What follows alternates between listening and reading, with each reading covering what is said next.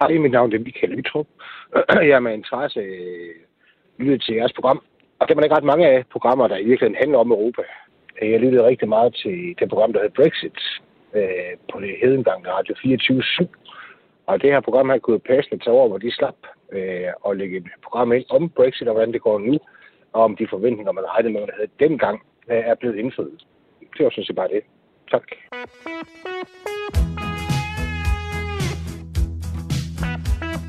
Det her er Michael, som har ringet ind på vores telefonsvarer på 25 45 64 64. Det kan du også gøre, hvis du har en idé til et europæisk emne, vi kan tage op her i programmet. Og i dag kaster vi os netop over Brexit. Vi hørte ufattelig meget om det, indtil det rent faktisk indtraf. Nu har britterne stået på egne ben i snart et halvt år, og i dag stiller vi spørgsmålet, hvordan går det egentlig for dem? Og det er faktisk super aktuelt, fordi der netop i denne uge er en stor strid om pølser mellem EU og Storbritannien, som vi blandt andet skal omkring i programmet her. Og så følger vi op på to britter, som jeg mødte inden Brexit, for at høre, hvad det bedste og det værste er ved at være ude af unionen. Og jeg kan afsløre, at der er både gråd og tørret havtorn i vente. Mit navn er Mads Anneberg. Hjertelig velkommen til Kontinentet på Radio 4.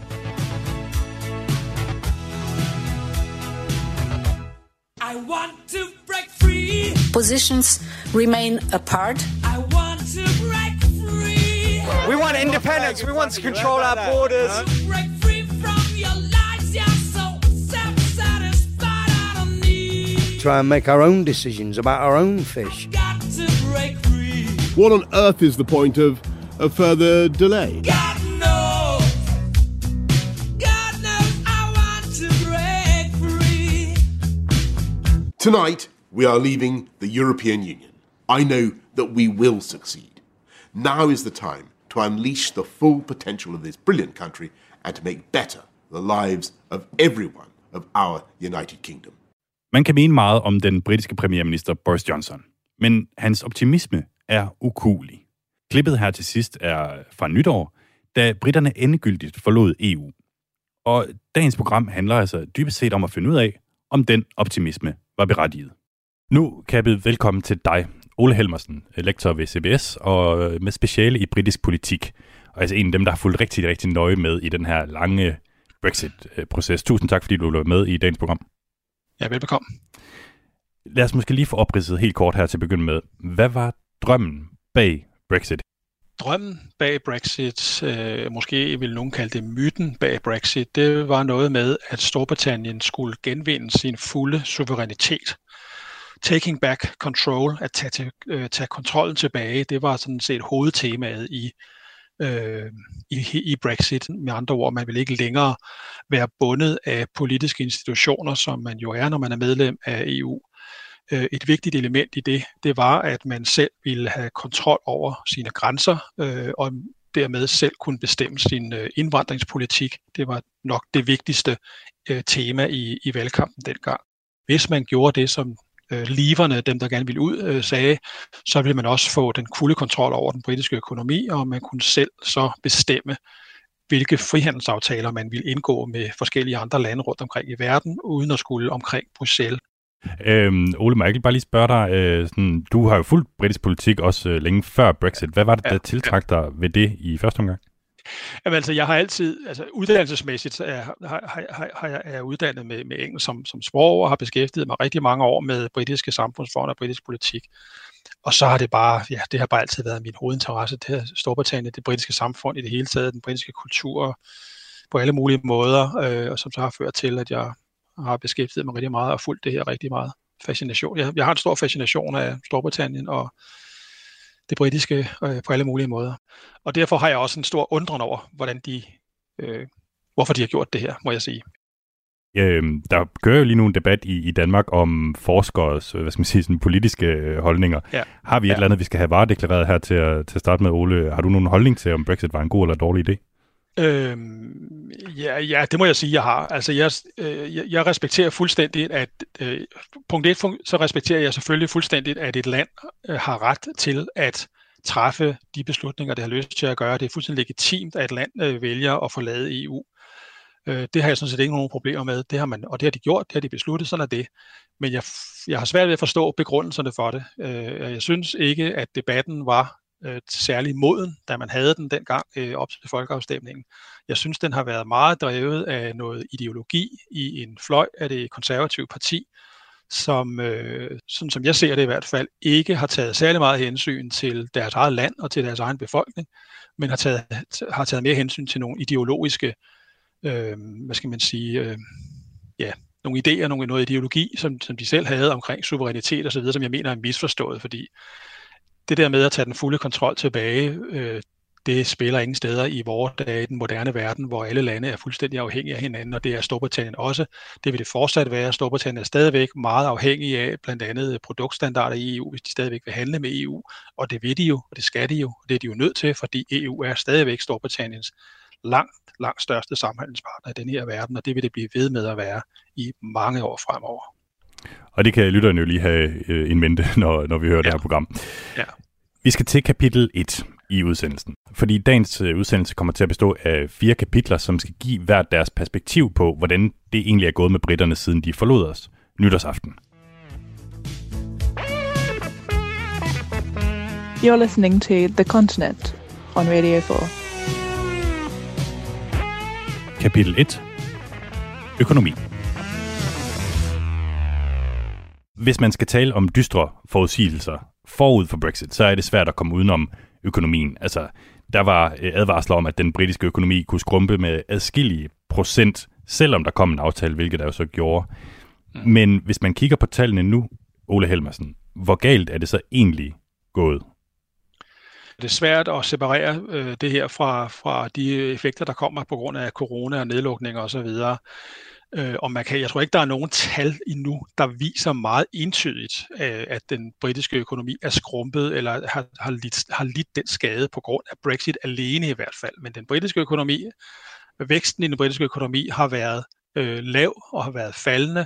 Man har talt om øh, recession, øh, og der er det er indiskutabelt, at der har været i hvert fald nogle brancher, som har været hårdt ramt. Så jeg tror ikke, der er nogen tvivl om, at, at nogen af de her øh, resultater i den britiske økonomi, nogle af de nøgletal, man ser, de har også at gøre med, med Brexit. Og det har i hvert fald været dyrt for den britiske stat indtil videre, fordi man har måttet bruge så mange flere penge på blandt andet tolbehandling og tolpapirer og ansættelse af toller og hele det der kontrol øh, det her kontrolsystem, som opstår det øjeblik, man forlader øh, frihandelsområdet EU, som jo skete der til 1. januar.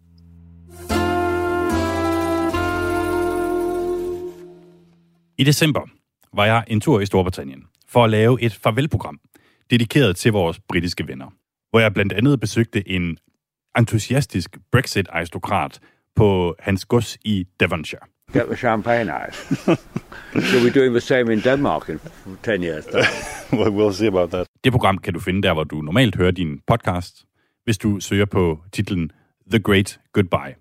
Men det jeg egentlig vil frem til, det er, at en af de andre mennesker, jeg besøgte på den her tur, var Nimisha Raja. Hun har en virksomhed i Kent, i det sydøstlige England, hvor hun laver tørret frugt.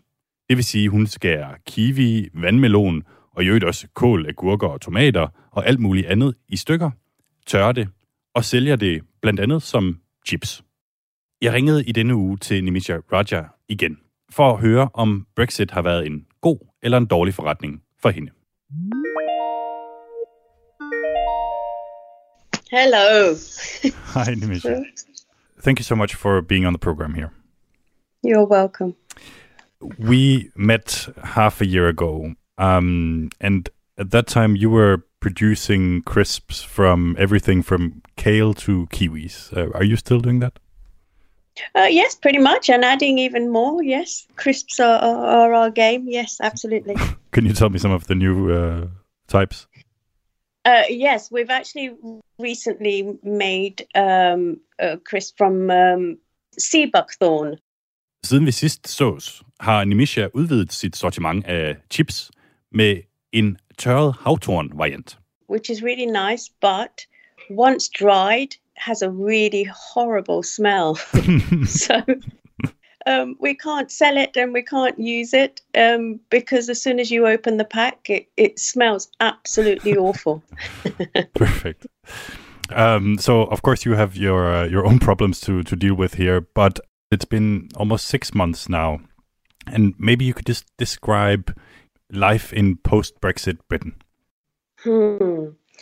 Well, certainly not an easy one, I have to say, uh, and a lot more troublesome than I thought it was going to be. What I wasn't prepared for was the interminable delays with anything you want to do within the EU in terms of buying, selling. It's been an absolute nightmare. Kæmpe forsinkelser på alt, der skal handles til og fra EU, har været et mareridt, siger hun. Men alt i alt har Brexit faktisk været en rigtig god forretning for Nimisha. We have uh, probably been busier since January than we ever have. We have made record sales month on month. And I think that is very much to do with Brexit because the problems I'm having dealing with uh, uh, doing trade with, with the EU, I, obviously other businesses must be experiencing the same. And where people were buying ingredients, etc., from the EU, they're now coming to us and saying, "We would love you to supply us with this, that," and we're we're uh, trialing new products all the time. So we've recently secured two pretty big contracts with one with a restaurant chain and one with a cheese manufacturer to supply them with um, ingredients which they would normally buy from the EU. So on the business side of it, actually, we're doing pretty well. That's great news. It is great news. Would you say that for you the the benefits of you know more people buying your stuff outweighs the disadvantages of you know the the hassle from from everything else? Yes, I think it does. And actually, from on a wider viewpoint, it's not just me. I think other British businesses will also benefit. And so that will help the Br- British economy, which in turn will help our businesses again, I'd like to think. Det, at forretningen går strygende, er ikke den eneste fordel, hun ser ved Brexit. Der er også den britiske vaccinationskampagne, som er gået over stok og sten i forhold til os i EU. For selvom Storbritannien i princippet kunne have gjort det samme som EU-medlemmer, var det nok mere oplagt, når de allerede var på vej ud. Uh, well, yes, I think so. I think th- absolutely, yes. And I think the fact that we were able to be autonomous in making those decisions, what we do, how we do, when we do, uh, was a, a, a godsend, actually. And, and what a great time for all of that to coincide and happen in a way for us. Obviously, that's a very selfish viewpoint. I know because I know, you know, you have suffered a lot in the EU. Um, and and lot has gone wrong, and there's been a lot of bickering and fighting and uh, blaming, um, and we have we have we have been very very fortunate to have been able to have the vaccines uh, as we have. Have you been vaccinated? Yes, both, and so many younger people are, are getting it as well, which is brilliant. Som sagt mødte jeg Nimisha, da jeg var over at lave et farvelprogram. I'm just going to play you uh, a 10 second clip from the last time we, we spoke. I hope you can hear it uh, all the way over there in Kent. okay. We are going to miss you terribly. And it, I think it will be quite emotional, actually, on the day. I think it's a really sad day. I just hope we can still be friends. How do you think it's going with the friendship here six months on? Do you know what? I don't think it's going very well at all. There seems to be a general sort of feeling um, that it's just too much bother for businesses in the EU to be dealing with us. And I think, to be fair, a lot of British firms are having the same feelings as well that we are, we just now can't be bothered to be trading with the EU because everything takes too long, everything is too expensive, it's just not worth it. I have fallen out with two companies, one in Germany and one in Poland. They just said, Yeah, we're not sure you're a big enough account for us to worry about at the moment, so goodbye. Actually, I don't blame them. I blame the governments for being not properly prepared, leaving everything till the last minute, um, and leaving us in this situation. So it, I, I wholly blame the governments, both here and, and the EU, for the mess that we're in. Venskabet mellem Storbritannien og EU går ikke helt så godt, som man kunne have håbet på. I hvert fald for virksomhederne. Det ekstreme byråkratiske bøvl gør, at det sjældent er umagen værd at handle med hinanden. Og det er politikernes skyld, mener hun. både i EU og i Storbritannien. Nimisha, thank you so much for speaking to me. You're welcome. Thank you, and lovely speaking to you again. And hopefully, we'll catch up again soon.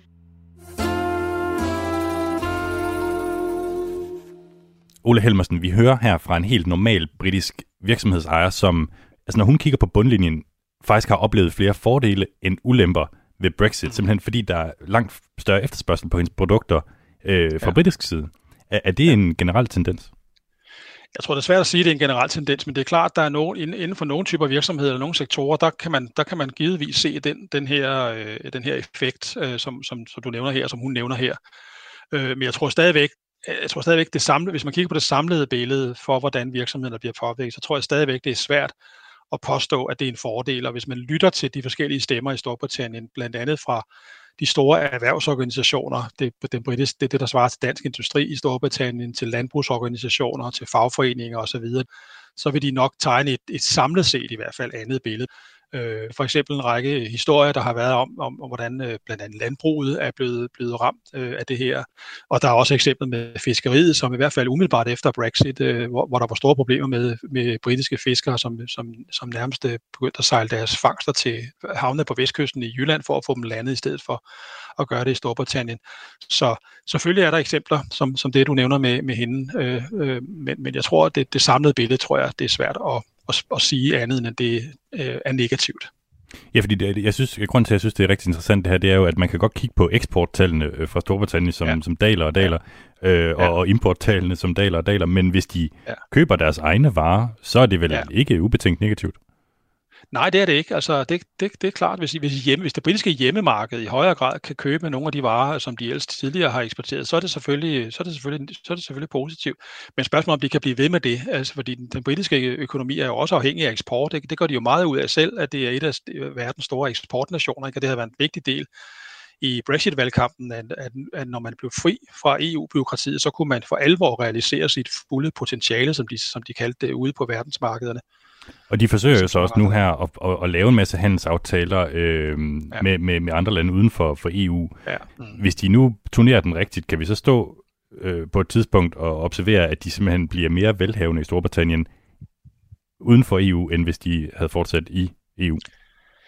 den der kliché om, det er svært at spå om fremtiden, men jeg, har, jeg må indrømme, at jeg har svært ved at se det, det må jeg sige. Altså, jeg har svært ved at se, at Storbritannien skulle kunne lave bedre frihandelsaftaler alene med USA, med Kina, med Indien, bare for at tage nogle eksempler, end øh, EU har, end, end de har haft i form af deres EU-medlemskab. Altså man træder trods alt lidt tungere i terrænet, når man kommer til Indien og vil lave en aftale, hvis man gør det som EU med fem, små 500 millioner mennesker, end hvis man gør det som Storbritannien med 60 millioner.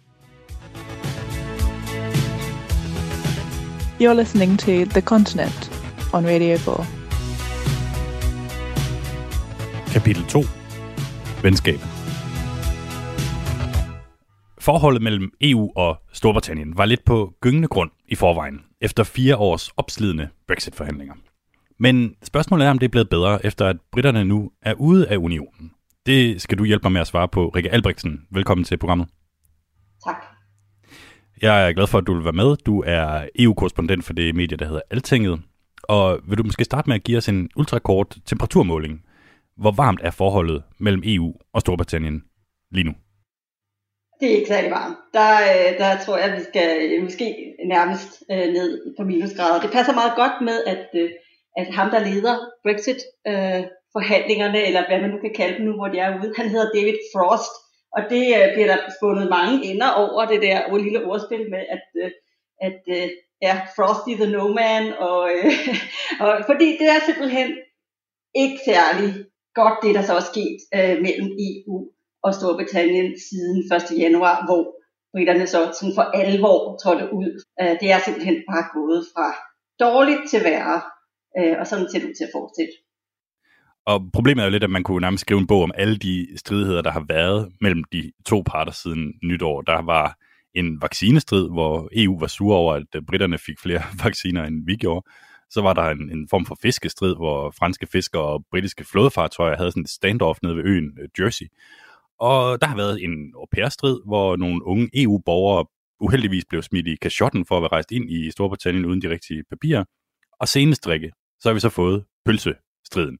på trods af, at det lyder lidt som et øh, slagsmål mellem to gæster til en børnefødselsdag, så er det jo et ret alvorligt emne, den her pølsestrid, hvor, hvor begge sider lige nu øh, i den her uge truer hinanden med, med bål og brand. Hvad er øh, konteksten bag hele det her? Det er meget følsomme spørgsmål om, hvordan Nordjylland placeres i hele Brexit-striden. Fordi det man jo skal huske på, det er, at for at undgå at lave en hård grænse hen øh, over øen Irland, så valgte britterne, da de valgte Brexit-model, at lægge øh, den grænse i det irske hav. Men det, der så også skete, det var, at man efterlod således Nordirland i øh, dele af det indre marked og i, i EU's tolvunion, mens resten af Storbritannien jo så er løsrevet fra EU's regler. Problemet med det er, at for pølser og andre øh, kødprodukter, der ikke er frosne, der er der simpelthen et forbud i EU-reglerne for at importere sådan nogle øh, friske produkter fra tredje lande. Og Storbritannien er jo altså et tredje land. Problemet var, at det er et tredje land, som har efterladt dele af sit eget land inden for EU's regler.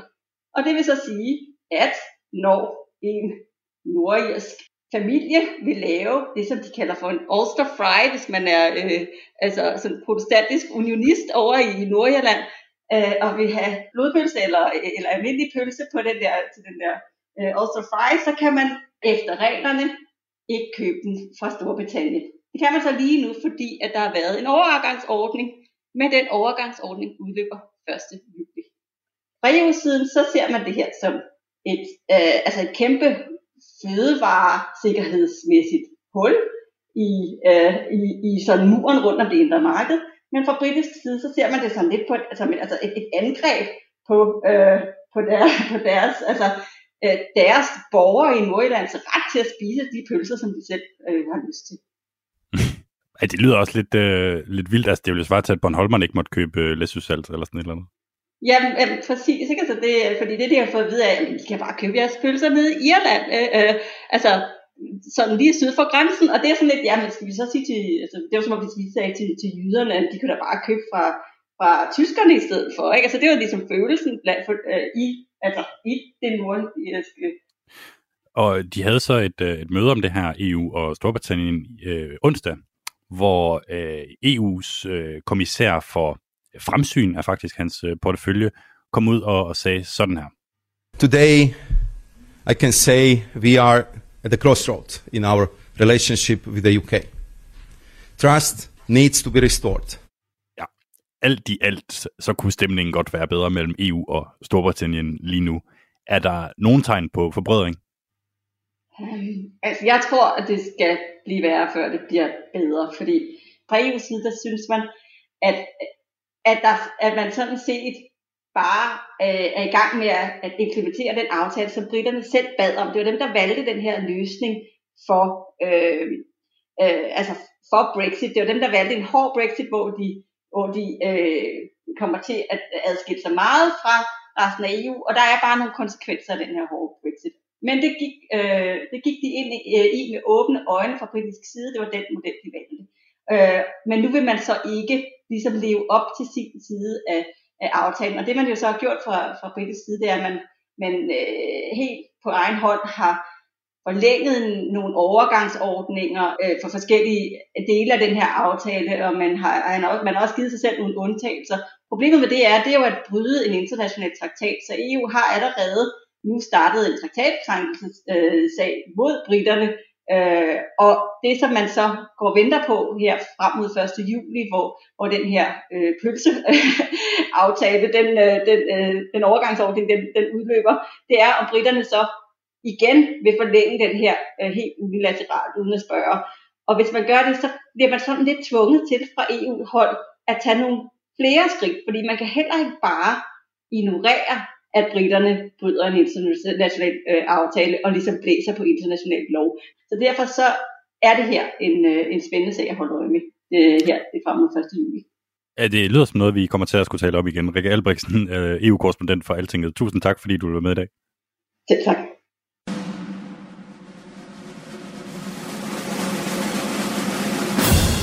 Brexit. Brexit. Brexit. You know, I've been reading a lot about Brexit over the last couple of days. To leave the European Union will be a hard burden for Great Britain. That is the reality. In the context of Brexit. Thank you and goodbye. En fin lille Brexit-potpourri her. Med rosinen i pølseenden selvfølgelig være den ikoniske tidligere speaker i det britiske underhus, John Bercow. Der gik jo mere end fire år fra at britterne besluttede, at de ville forlade EU, til det rent faktisk skete i praksis. Og John Bercow var et af de mange underholdende elementer undervejs i Brexit-processen, når han i de sene nattetimer råbte til sine uregerlige kolleger, som ikke kunne blive enige om en Brexit-aftale. Men nu er den her historiske begivenhed endelig blevet netop det. Historie. Det officielle brud skete ved midnat nytårsaften, men hvordan er det gået britterne siden da? Og er de dystre profetier blevet til virkelighed? You're listening to The Continent on Radio 4. Kapitel 3. Det store Storbritannien. Du lytter til Kontinentet på Radio 4, hvor jeg i dag har øh, dig, øh, Ole Helmersen, øh, lektor på CBS og ekspert i britisk politik, som gæst. Jeg er rigtig glad for, at du vil være med her i dag.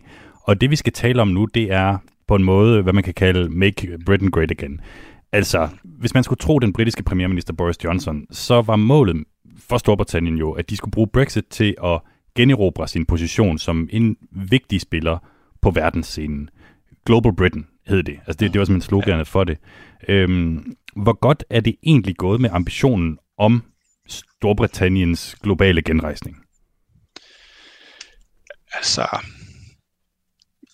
hvordan skal jeg sige? Altså, jeg vil sige, på det retoriske niveau, der er det gået godt.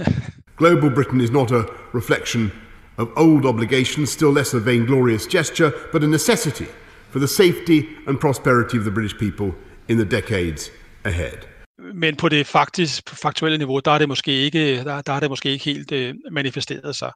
Den britiske regering udgav for, hvad er det, en, er det en måned, en halvanden måned siden, eller sådan noget, tror jeg, en, en, øh, en, en, en, hvad skal man sige, en rapport, der hedder Global Britain in a Competitive Age, hvor de øh, prøver at beskrive, hvad det her Global Britain går ud på. Og der, det, han- den handler stort set udelukkende om, at Storbritanniens rolle fremover, den ligger uden for Europa. Europa er nærmest ikke nævnt i den der rapport på cirka 100 sider. Den taler udelukkende om, at Storbritannien skal ud og spille en langt større rolle øh, øh i andre dele af verden, herunder i Asien. Den taler om, at man i højere grad skal være med til at inddæmme Kina, sammen med USA måske. Øh, den taler om, at den britiske flåde skal stationere en, øh, skal, skal, skal have en større præsens øh, ude i Asien og så videre. Ikke? Altså lidt sådan, lidt sådan tonerne fra, fra gamle dage, hvor man med hjælp af flåden sejlede rundt i verden og, og, og udøvede kontrol og så videre. Ja, fordi hvis man har den øh, positive hat på, så kan man jo sige, at uden for EU's øh, spændetrøje, så har den britiske regering kunne føre en mere aktiv, øh, i hvert fald gjort en dyd ud af, at den gerne vil føre en mere aktiv Ja. udenrigspolitik. Og altså, blandt andet så var der jo også, øh, vi, vi, vi så i, i efteråret, at de tilbød asyl til folk fra Hongkong, øh, da ja. der var det her store drama med, med, med Kina. Øh, ja. Ja. Alt imens, at EU jo er ganske splittet i sin udenrigspolitik. Ja. Altså, Ja. det, det må vel også, der må vel være noget om snakken. Jamen altså, det er selvfølgelig rigtigt, at de, når de ikke er medlem af EU længere, så behøver de ikke længere sidde med til de her møder og, og småskændes med de andre og prøve at blive enige i 27 lande. Det er klart, det gør det selvfølgelig meget nemmere. På den måde er, de, på den måde er det selvfølgelig en fordel for landet, at de kan at de koopererer frit øh, og, og, og, og måske også bruge deres øh, øh, hvad skal man sige, bruge deres indflydelse øh, på en måde, som de ikke har kunnet, da de var medlem af EU. Og, og Storbritannien har selvfølgelig stadigvæk en vigtig international indflydelse, som også, kan man sige, måske er større end den, som befolkningen på 65 millioner måske normalt ville, ville øh, give anledning til. Det er stadigvæk Øh, en atommagt, det er stadigvæk øh, den næststørste magt i NATO, det er stadigvæk, det har stadigvæk en fast plads ved F, øh, FN's Sikkerhedsråd, og, og man har også et, i hvert fald et ry for at have et meget stærkt øh, diplomati med stærke forbindelser rundt omkring i verden. Øh, Hvis vi lige vender os mod det helt store britiske slagnummer efter Brexit, så er det jo nok vaccinerne. The UK's COVID vaccine programme has been a huge success. Only a handful of countries can boast a better rate of jabs administered per 100 people. And now Altså Storbritannien begyndte at vaccinere en måned tidligere end os, og de har jo ja. også gjort det hurtigere og mere effektivt. Øh, Hvor meget har det betydet for Boris Johnsons positive fortælling om Brexit? det har også haft en rolle på hans positive for- fortælling om Brexit, forstået på den måde, at, øh, at han ligesom har kunnet sige til befolkningen, der kan I bare se, øh, de roder rundt over på, over på kontinentet, de er langt bagefter også med hensyn til at få vaccineret folk. De er meget, meget længere om at få godkendt øh, vaccinerne. Så det har han klart kunnet bruge, øh, og det har også været med til at styrke ham sådan øh, indrigspolitisk i Storbritannien, øh, øh i hvert fald på det seneste. Øh, I den indledende, de indledende faser af ko- coronaepidemien, der gik det jo ikke for godt for ham, fordi han var sent øh, ude med at komme i gang. Øh, Storbritannien lå og gør det vel sådan set stadigvæk som det, et af de lande i verden med flest corona-relaterede dødsfald, og meget højt i forhold til også til de andre europæiske lande i øvrigt. Men især på det seneste, hvor han har kunnet ligesom gå ud og, og, og bryste sig af, at Storbritannien er, er, er foran med hensyn til at få øh, vaccineret befolkningen. Det har klart givet ham en, øh, en politisk gevinst. Alt imens, at øh, Boris Johnson prøver at fremmane det her globale Storbritannien, så er der ved at opstå revner i fundamentet internt i det britiske kongerige. Ja. Løsrivelsespartierne fik et flertal i Skotland, da der var valg for en måneds tid siden. By any measure of parliamentary democracy, there is a clear mandate for a referendum within this term of parliament. Og ja. i Nordirland har du en situation, hvor halvdelen af befolkningen føler sig øh, svigtet af, af London i, i Brexit, og den anden ja. halvdel føler sig i forvejen mere irske, end, end de føler sig engelske. Altså, ja. i din vurdering, hvor stor er sammenhængskraften i Storbritannien lige nu?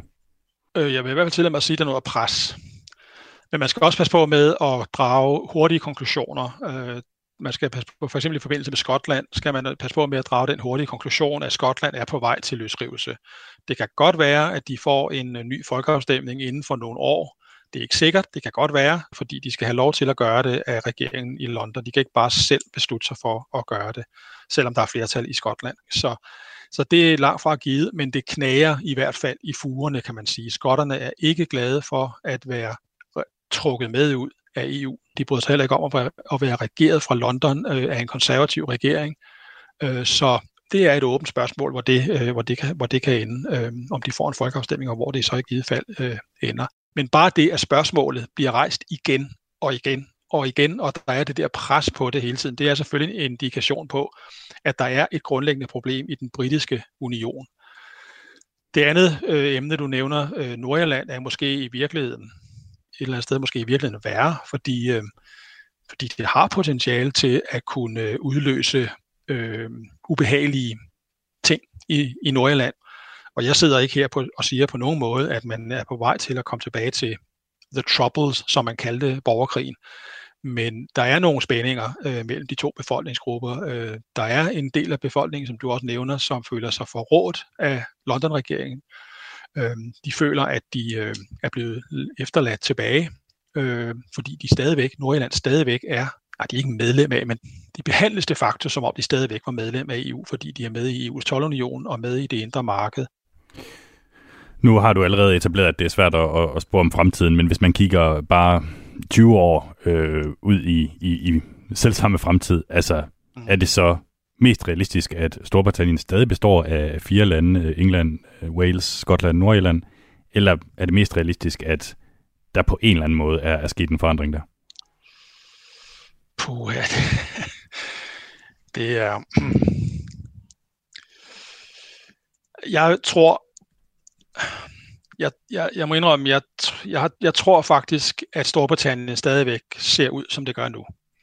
Men jeg tror også meget vel, der kan være kommet en eller anden form for mere forpligtende, hvad skal man kalde det, forfatning, eller hvad man nu vil kalde det, en mere forpligtende, en, en nærmere beskrivelse af, end der findes nu, hvordan, øh, hvordan relationerne mellem de her forskellige dele, de, de er. Altså, der kunne godt være kommet mere selvstyre til Skotland, for eksempel. Øh, jeg er måske nok lidt mere usikker med, med Irland, øh, Nordirland. Øh, problemet er nok, at hvis man hvad skal man sige, skulle begynde for alvor at overveje en ændret status for Nordirland, øh, altså tilbagevendt til republikken, væk fra Storbritannien, så vil det nok være noget mere, i virkeligheden være noget mere kontroversielt, end hvis Skotland stemmer sig ud.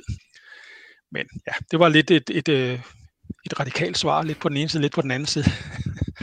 øhm. Men det er jo, øh, som du siger, Ole, svært at spå om, øh, om fremtiden.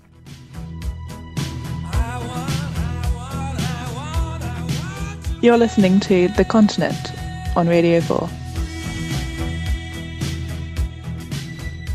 Kapitel 4. Taberne. I dette sidste kapitel skal vi se på, hvordan alle de britter, der egentlig var fortaler for at blive i EU, har bearbejdet nederlaget. Hej Sheila. Oh, hello. How are you? I'm good, thanks. How are you? Yeah, I'm okay. For knap halvandet år siden fik jeg en skotte til at græde. Det var i Europaparlamentet i Bruxelles, lige inden britterne på papiret sagde farvel til EU. Og de britiske europaparlamentarikere gik og pakkede deres ting for at vende hjem til Storbritannien. Den danske venstremand Asger Christensen havde så fået smuglet mig ind til en farvelfest. Det er ham, du kan høre i, i klippet lige om lidt. Og her mødte vi så altså Sheila Ritchie, som i dag er pensioneret, men dengang var en af de meget vemodige Remain-politikere, der måtte opgive sit embede i Bruxelles. Sheila, I would like to uh, take us back in time by playing a little clip from January uh, 2020. It's going to take a minute, and it sounds like this. So, thank you for this uh, seven months, and uh, we are very sorry to uh, leave you. Very sorry to be going. Have a nice time. Not crying, I'm No, not crying. I'm not crying. Is it a sad day, though? The whole thing's a catastrophe. It's a disaster for my country economically, socially, and culturally. Um, for me personally, it's I think this is the best job in British politics. And after seven months, they've taken it away from me. So yeah, that's pretty sad. And you are making me cry. I'm not crying. I want to celebrate the friendship, not mourn the loss. Yeah, that's why the champagne is here, to celebrate instead of mourning. I'm drinking gin. Makes you sad. What do you think when you listen to this, Sheila? Makes me emotional all over again. I'm sorry about that. hey, um, there's hardly a day goes by when there isn't something to be sad about uh, having lost. The big thing for me is the, I think the lost opportunities for the young people, for, for children, for teenagers, people in their 20s, all the doors that have been slammed in their face by our having left the European Union. Sheila Ritchie kan nærmest ikke komme igennem en enkelt dag, uden at komme i tanker om et eller andet, som hun mener, at Storbritannien har mistet. Og jeg spørger hende, om hun trods alt har forliget sig med tanken om, at de nu er ude af EU. Well, I mean, it's not a question of coming to terms with it. It it's a fact of life. Um, I don't think we will, as a United Kingdom, be back anytime soon. Um, and frankly, if I was the EU, I would not want us back. So, yeah, I think we have to suck it up. I think we have to get on with it and behave ourselves in such a fashion that we eventually want to come back and that European Union is prepared to have us back. So you're not planning to fight um, at this very moment to get the UK back in? Um, I want the UK to come back in, uh, and I think that we should be. But I think before we actually are close to making an application, we have to change hearts and minds. I don't think we were ever at any point any more than half-hearted members. I think the political establishment was was um, a, a wholeheartedly part of the project, but most of them were not prepared to say so out loud. It's been almost half a year now where the UK has been definitively out of the European Union. What's the best thing about it? I don't think there's anything good about it. There really isn't anything good about it at all. I mean, you've done quite a lot better with the vaccination campaign than the EU. Yeah, but we could have done that inside the EU. There wasn't anything to prevent us doing so. Og generelt så er Sheila altså hverken til at hugge eller stikke i på det her område. Til gengæld, så kommer der en lille EU-skeptisk bemærkning til sidst i interviewet. For når det handler om den nuværende strid mellem EU og Storbritannien, altså den med pølserne, som vi talte om tidligere, synes hun godt, EU kunne være lidt mere large. I don't think the EU is being enormously sensible with all of the discussions that are taking place. I- don't think it's incumbent on them to be required to be, but the current row over sausage meat is really just silly. Um, and we ought to be able to adjust something that makes it work.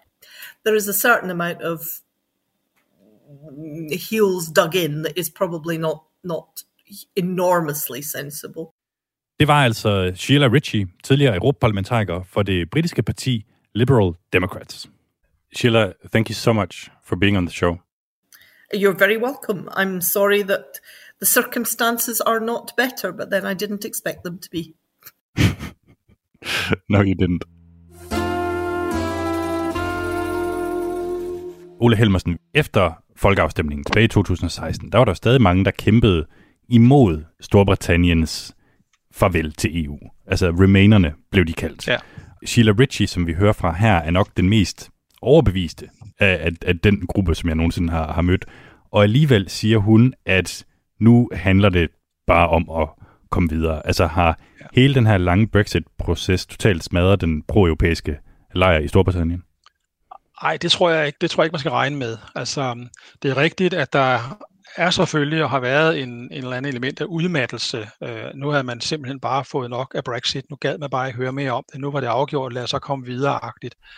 Men dertil at, at så tro, at, øh, at den, den, ligesom den stemme, eller de stemmer, som øh, Remain-stemmerne øh, ja, øh, repræsenterede, at de skulle være døde, det tror jeg ikke på. Det var trods alt 48 procent af den britiske befolkning, som stemte Remain. Jeg tror, der går nok nogle år, men, men jeg tror også, at man vil se en bevægelse, øh, både politisk øh, og i befolkningen, eller måske i virkeligheden i den modsatte rækkefølge, som gør, at hvis man kigger så langt som 20 år frem, der skal man bestemt ikke udelukke, at der vil være sket en yderligere tilnærmelse igen til EU.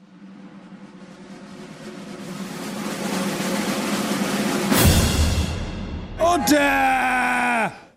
Ole Helmersen, det er blevet tid til at binde en øh, stor, fin sløjfe på øh, det her program. Altså, jeg tænker, vi lige skal prøve at konkludere lidt til sidst øh, her, ja. hvor vi altså står næsten et halvt år efter den endelige, endelige skilsmisse. Prognoserne var ikke særlig flotte. Altså, der var mange øh, dystre udsigter, som vi også har været inde på tidligere i programmet.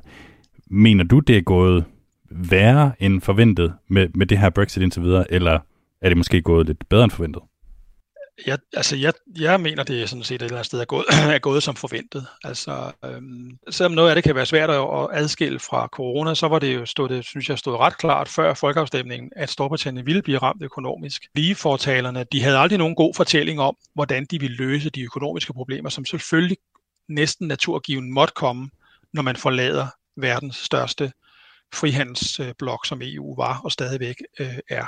Så det, det er gået nogenlunde som forventet. Det er også med hensyn til de interne problemer i Storbritannien med Skotland og Nordjylland, det er sådan set også gået som forventet. Og hvis vi bare lige hurtigt tager fat i den ideologiske del der, så kan man vel sige, at britterne har opnået det, som de gerne vil, altså at kunne tage kontrol over deres øh, egne det er grænser. Rigtigt.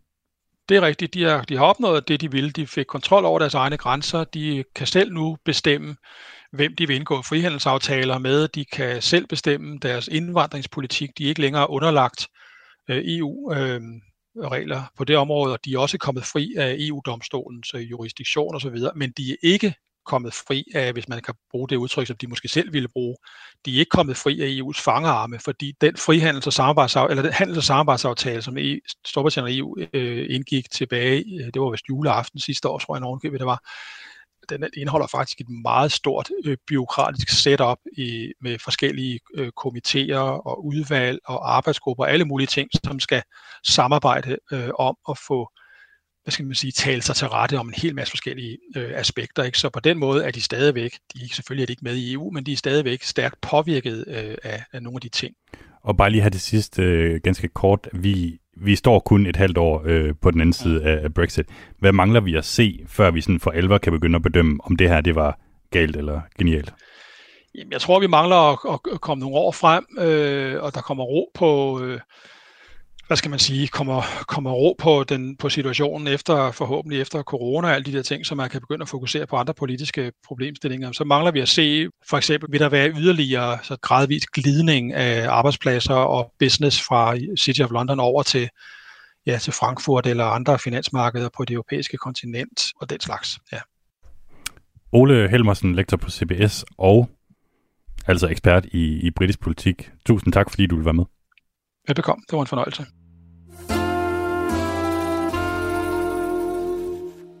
Her til sidst skal det handle om noget helt andet end Brexit. For i sidste uge sendte vi et program om Nordmakedonien. Det her lille bjergrige Balkanland, som gerne vil i gang med forhandlinger om at komme med i EU, men som gang på gang er blevet afvist i døren. Efter programmet var der en af mine kilder, som ikke var særlig begejstret for det her program. Og det var dig, Bjørnko Stosic, Balkan Beats musiker med makedonske rødder. Velkommen til programmet endnu en gang. Jo, tak Mads, og øh, det er dejligt at være tilbage igen. Ja, det er sådan en ugenlig ting nu. Øhm, ja. ej, jeg elsker, at vi kan få lidt debat om det, vi, vi sender i radioen her. Mm-hmm. Jeg sætter stor pris på, at du øh, vil være med igen. Vil, vil du ikke bare lige starte med at, at fortælle, hvad var det, du var utilfreds med?